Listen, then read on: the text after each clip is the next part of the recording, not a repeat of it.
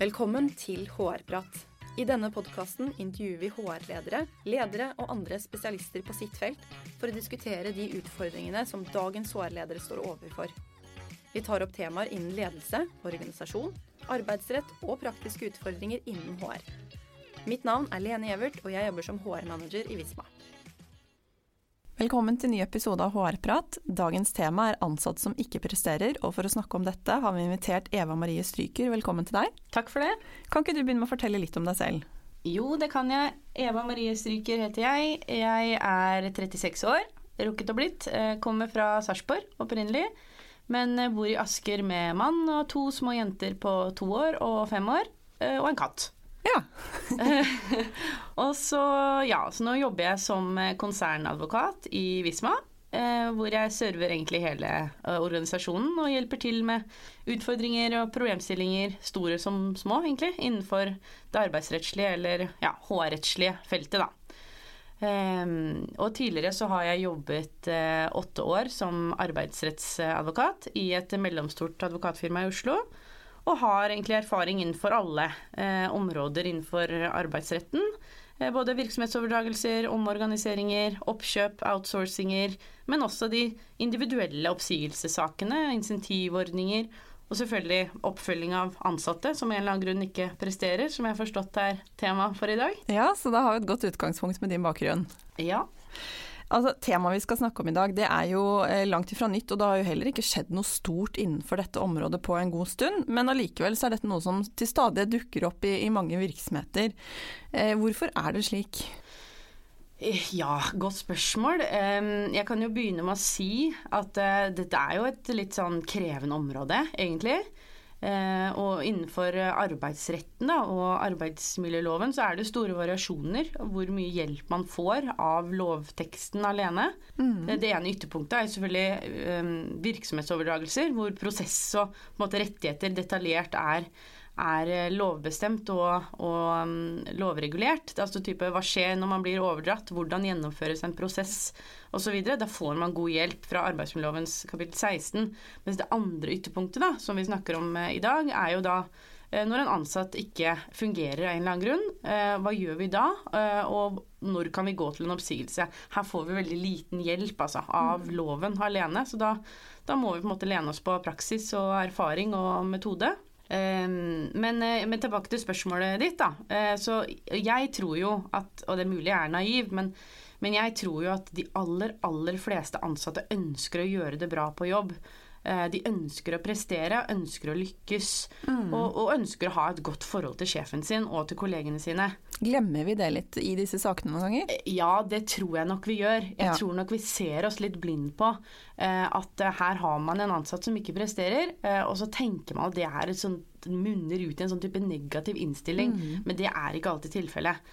Ja, for Ofte så blir det litt sånn at problemet vokser, og vi kanskje tillegger egenskaper, eller tenker at han eller hun er ekstremt lat, eller ja, eh, ja hva det måtte være. Ja. Eh, og så glemmer vi kanskje litt at de aller fleste av oss våkner jo opp hver eneste morgen og tenker at i dag så skal jeg gjøre en noenlunde ok jobb, kanskje til og med har en litt mer positiv innstilling enn det også. Ja, det tror jeg du er helt, helt rett i, og jeg tror det er veldig fort å gå i den den fella, da. At man, eh, at man blir liksom negativt innstilt til den ansatte og tror at den ansatte egentlig ikke ønsker å gjøre en god jobb. Og det mm. tror jeg i de aller, aller fleste tilfeller er feil. Så, og vi må jo huske på at vi har jo med altså Grunnen til at dette er et sånn stadig tilbakevendende tema, er at vi har jo med mennesker å gjøre. Mm. Eh, og, og, det stilles stadig strengere krav både til prestasjon, leveranse, tidsfrister. Og det er ikke alle som klarer å leve opp til de forventningene som settes. Og vi er forskjellige. Vi har ulike utgangspunkter her i livet. Og så har vi også ulik holdning selvfølgelig til arbeidslivet og jobben vår. Og da er det egentlig ikke så rart, tenker jeg, at vi tidvis havner i en sånn mismatch mellom forventninger og prestasjon og som ofte da dessverre kan tilspisse seg og utvikle seg til å bli et problem og til potensielt en konflikt. Da. Mm. Lytterne har jo sikkert vært borti litt ulike typer saker, eh, og du har nok eh, sett litt av hvert gjennom din erfaring. Kan du si litt om hvilke typer caser du ofte ser at dukker opp? Ja, eh, oppfølging av ansatte og ansatte som ikke fungerer på et vis, da er jo et bredt tema, omfatter mye. De vanligste casene som jeg har bistått mest inn i mine år som advokat, er er typisk hvor prestasjoner ligger på et lavere nivå enn det som kan forventes, enten hva gjelder salgsprestasjoner eller oppnåelse av budsjett. Men også som kvalitetsmessig da ikke leverer i henhold til en gitt standard, altså arbeidsgivers standard. Mm -hmm. Og så er det også selvfølgelig ansatte som ikke av en eller annen grunn ikke fungerer inn i arbeidsmiljøet. Eh, kommer eh, f.eks. på kant med ledere og eller med kolleger og finner på en måte ikke sin plass i miljøet. Eh, og så er det også flere tilfeller av samarbeidsproblemer eller tilpasningsutfordringer. Um, og um, ja, ansatte som, som uh, sluntrer unna eller har type udokumentert fravær, mm. ikke overholder arbeidstiden. Eller så er, så er, det også disse tilfellene hvor det heldigvis er færrest av, men ansatte som begår alvorlige feil i tjenesten. Så brudd på selskapets etiske regler, f.eks. lovbestemte regler sånn som taushetsplikt, brudd på lojalitetsplikt osv. Mm. Men hvor flinke er ledere som regel til å håndtere disse ulike typer sakene? Min erfaring er at det er veldig varierende. Ehm, jeg pleier å si til personalledere at dette er jo medaljens bakside av å være leder. Ja. Eh, dette er de vanskelige sakene som personalledere, og også til dels HR, eh, kvier seg for å ta tak i. Og jeg tror at dette munner ut i at man trolig har stukket hodet i sanden litt for lenge, mm. og håpet at det eh, vil gå seg til. det gjør det dessverre sjeldent. og så, og så, så, ser jeg selvfølgelig andre ledere som, som, har slike saker godt innunder huden, og som er komfortabel med å fronte dem og bidra til en, til en løsning. Da. Så det er veldig varierende. Mm. Men eh, ofte, jeg tenker sånn, hvis man er i en stor organisasjon, så kan det være litt sånn tilfeldig hvor lett det er for HR å få med seg disse sakene før leder kanskje er der at man sier at du nå har jeg en oppsigelsessak, altså at man liksom har kommet til det punktet. Har du noen tanker om hvordan HR kan avdekke disse sakene på altså tidligst mulig tidspunkt for å støtte lederne på best mulig måte? Ja, eh, jeg tenker jo at nøkkelen er oppfølging. Eh, også i gode tider. Altså Ansatte blir jo eh, ofte ansatt i prøvetid, hvor det stilles store krav til oppfølging, tilrettelegging og til veiledning av, eh, av, den ansatte. Og det mange personalledere glemmer, er at slik oppfølging eh, likevel i noe mindre grad da, eh, må videreføres også etter prøvetidens utløp. Mm. Så, og, får man tilbakemeldinger eller innsikt i at den ansatte ikke presterer, eh, f.eks. at man ikke fakturerer nok, ikke selger nok, ikke overholder arbeidstiden, eh, bidrar lite inn i det faglige sosiale miljøet, forsurer miljøet osv., ja, så må man ta tak i det med en gang, og ikke la det eh, skure og gå. Da. Eh, og jeg tror det er viktig at eh, HR-rollen er tett på ledere, eh, og at det er etablert en relasjon som gjør at ledere tidlig involveres, eh, at, at ledere tidlig involverer HR i slike saker. Og forhindre at HR først kommer inn når det brenner, da. Mm. Eh, og når konflikten har eskalert. For da er det mye mer krevende å, å få løst det. Eh, og få til en god løsning. Også for HR. Det er vanskelig for HR å komme inn når det allerede er på en måte veldig betent. Mm. Um, så, så, og så, som HR-personell så tenker jeg at det, det er nyttig å ha tilgjengelig et verktøy som gjør sånn slik oppfølging lettere. Altså en type eh, jeg, kaller det oppfølgings- eller forbedringsplan, altså en type mal da, som kan tilpasses den enkelte eh, situasjon. Mm. Eh, tenker jeg er nyttig. Og det, Den trenger ikke å være all verdens komplisert, altså, men det bør på en måte være et skjema som, som inneholder punkter som arbeidsgiver mener bør forbedres. Og like viktig som disse punktene er jo selvfølgelig forslag til hvordan leder selv kan bidra inn og hjelpe til med den nødvendige forbedringen.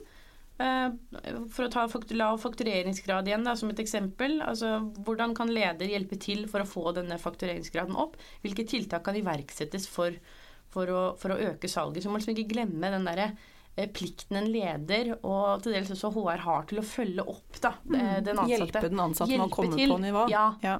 Uh, og det er klart at Motsatsen til leders veilednings- og tiltaksplikt er jo da arbeidstakers egne medvirkningsplikt. Mm. Ikke sant? Så dette må jo med i en sånn type tiltaksplan. Eh, hva kan arbeidstaker selv gjøre for å forbedre de enkelte punktene? Og arbeidstaker må jo, eh, må jo selv utfordres til å foreslå mål og tiltak for å løse problemet. Det, da, vi må på en måte få til en sånn ansvarliggjøring da, av mm. den ansatte. Og vi ser jo det at eierskap til utfordringene øker jo sjansen for å lykkes og for å få til en forbedring. Um, og, og, her tror jeg HR har mye å komme med, altså mye kan spille inn på uh, og bli med i en sånn prosess. Og bli med på et så tidlig tidspunkt uh, som mulig. Men da handler det kanskje om at man har gode rutiner og retningslinjer for hvordan følger vi opp medarbeidere holdt på å si, generelt i organisasjonen, og at man har noen gode retningslinjer, verktøy for hva gjør leder når, når ansatte ikke presterer på ønsket nivå. Ja. Eh, og så selvfølgelig så skal HR inn og hjelpe til å støtte i disse sakene, men at man i hvert fall har noen av de tingene liggende, så er man vel kanskje kommet et godt steg på vei. Ja, da har man kommet et godt steg på vei. Og nøkkelen er på en måte å ha en, litt sånn, ha en tett relasjon til, til lederen din som HR-personell. Ha, ha, en tett relasjon og ha god kommunikasjon mm. eh, løpende. Tror jeg, tror jeg er viktig. Ofte så blir jo eh, saker løst eh, det, holdt på å si, det må jo også være målet av de tingene vi har diskutert så langt. At man eh, får egentlig vedkommende opp på nivå og holdt på å si lever lykkelig alle sine dager. Men noen ganger så er det jo ikke sånn. Eh, når er tiden moden for å vurdere en oppsigelse? Ja, det er jo det vanskelige spørsmålet. Og det er jo det spørsmålet jeg oftest får. Eh, eller den henvendelsen jeg oftest får. At en leder eller HR kommer til meg og sier at nå nå, nå, må vi iverksette en oppsigelsesprosess, for vedkommende funker ikke. Mm. Um, av en eller annen grunn. Uh, og da pleier jeg å stille spørsmål ja vel, men hva er gjort så langt? Um, og har man, hvis man har hatt en god oppfølgingsprosess av den enkelte, hvis man har hatt ukentlig eller 14, hver 14. dag møter uh, og skissert opp mål, uh, forbedringspunkter, og man klarer å på en måte vise til at den ansatte ikke likevel har kommet opp på det nivået som er forventet, eh, så tenker jeg at da, da, da er tiden moden for å vurdere eh, en, en oppsigelse. Så, så, så, svaret blir vel egentlig litt sånn ja, ved endt oppfølgingsprosess, litt avhengig av mm. hvor lang den er.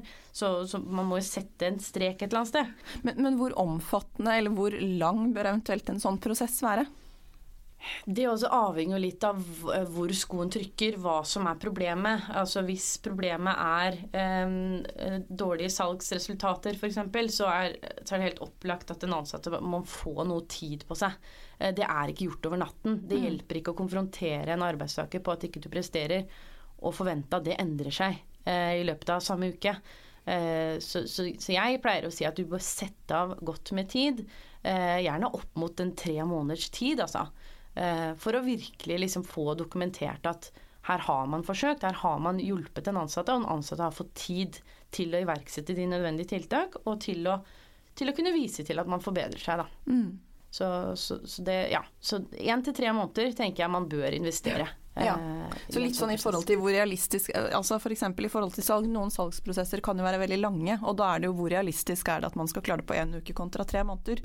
Klarer man å bygge pipe og, og skape resultat på tre måneder? Hvis svaret er ja, så holder kanskje de tre månedene. Ja. ja. Og så er det selvfølgelig disse tilfellene hvor hvis det er en ansatt som er dårlig på å overholde arbeidstiden f.eks., har udokumentert fravær, eh, man ikke klarer å forholde seg til hvorvidt vedkommende kommer på jobb eller ikke, her kan man kanskje sette litt kortere mm. tider igjen. For det handler om å på en måte eh, til dels skjerpe seg litt som arbeidstaker, men også at arbeidstaker skal forstå eh, viktigheten av å overholde mm. f.eks. arbeidstiden. Uh, og her tenker jeg man kan sette litt kortere uh, tidsfrister igjen. Uh, for her skal det på en måte mindre til da, for å få resultater. Mm. Kommer du for sent hver dag, men forklaringen er at du er B-menneske, så, ja. så, så, må man kanskje prøve å overholde kjernetid fra og med liksom, type i dag. Ja. ja. Mm. Men når man eventuelt kommer til oppsigelsesprosessen, hvilke, vi er jo litt inne på det, men hva bør være på plass til et drøftelsesmøte, og hva bør man vektlegge når man vurderer om man har grunnlag for å gå til oppsigelse? Ja, altså her eh, bør man sørge for at man har tilstrekkelig med dokumentasjon eh, for at man som arbeidsgiver skal kunne anse å ha saklig grunn for oppsigelse. Så grunn, Grunnlaget er jo saklig grunn for oppsigelse etter arbeidsmiljøloven § 15-7. Og det er jo her denne oppfølgingsplanen kommer inn, da, eh, og som blir helt avgjørende. Fordi man må eh, ikke bare kunne eh, si at her har man saklig grunn, man må også kunne dokumentere det. Og dokumentasjonen da blir jo den forbedringsplanen, og hvor man kan vise til tiltak som er gjennomført, men som ikke har ført til ønsket forbedring. Og det er jo type denne planen, selvfølgelig. Og så er det eh, referater fra møter, altså om det har vært noen SMS-utvekslinger, e-poster. Altså alt man har av dokumentasjon som kan vise til at man har fulgt opp, men at man ikke har fått eh, ønsket eh, progresjon, da. er man så heldig at man klarer å finne noe praksis fra domstolene, eller praksis fra andre typer saker hvor man ser at man har eh, fått eh, gjennomslag for eh, saklig grunn, ja, så er jo det også nyttig. Men det er jo sjeldent at man klarer det. Mm. Og når det er sagt, så er det jo selvfølgelig viktig å ikke være eh, forutinntatt. Ikke sant? Man kan som leder eh, og HR tenke at her, her eh, nå er liksom eh, dråpen er, det, Dette var dråpen, og nå er liksom målet Eller hva skal man si Nå er har vi iverksatt de nødvendige tiltak. Vi har ikke fått forventet um, prestasjoner opp på et forventet nivå. Um, så, så, så, er tiden moden, tenker jeg, for å kalle inn eh, til et uh, drøftelsesmøte. Men, men et, må huske på at et drøftelsesmøte er jo nettopp det. En drøfting av grunnlag for oppsigelse. Og det er viktig at man er innforstått med at ingen beslutning på oppsigelse skal være tatt på det tidspunktet. Um, her, dette er jo nettopp en arena hvor arbeidstaker skal komme med sine synspunkter, komme med sine vurderinger eh, inn mot en eventuell oppsigelse. Og det er klart at Den inputen som kommer fra arbeidstaker her i et sånt drøftelsesmøte, kan jo bidra til at man likevel ikke beslutter oppsigelse, mm. uh, men at man konkluderer på andre måter. F.eks. tilbyr en annen mindre betrodd rolle, får mindre ansvar, Um, får andre tilpassede arbeidsoppgaver f.eks., eller blir tilordnet et annet team hvis det er sånn at ikke du fungerer i det teamet du er. Altså det er mange muligheter da, mm. uh, man kan komme frem til uten å gå måte, the, the, hard way ved en ren oppsigelse, som selvfølgelig er, er eh, kjedelig for en, for en, ansatt, og kan være dramatisk også for en ansatt å, å få. Mm. For ofte sånn når vi kommer til drøftelsesmøtet, så har vi jo altså Da har man jo gjort ganske mye fra arbeidsgivers side. Og ofte så er vi vel kanskje litt sånn utålmodige, eller man liksom er såpass nærme det å faktisk ta en beslutning at man nesten går kanskje i fellen for allerede å ha bestemt seg, litt som du er inne på. Ja, det, det ser jeg jo mange tilfeller av. At uh, det er jo flere som uh, på en måte er innstilt på en oppsigelse eh, før man har avholdt dette drøftelsesmøtet. Og jeg har forståelse for det hvis man har hatt en prosess og man ser at eh, det ikke har fungert.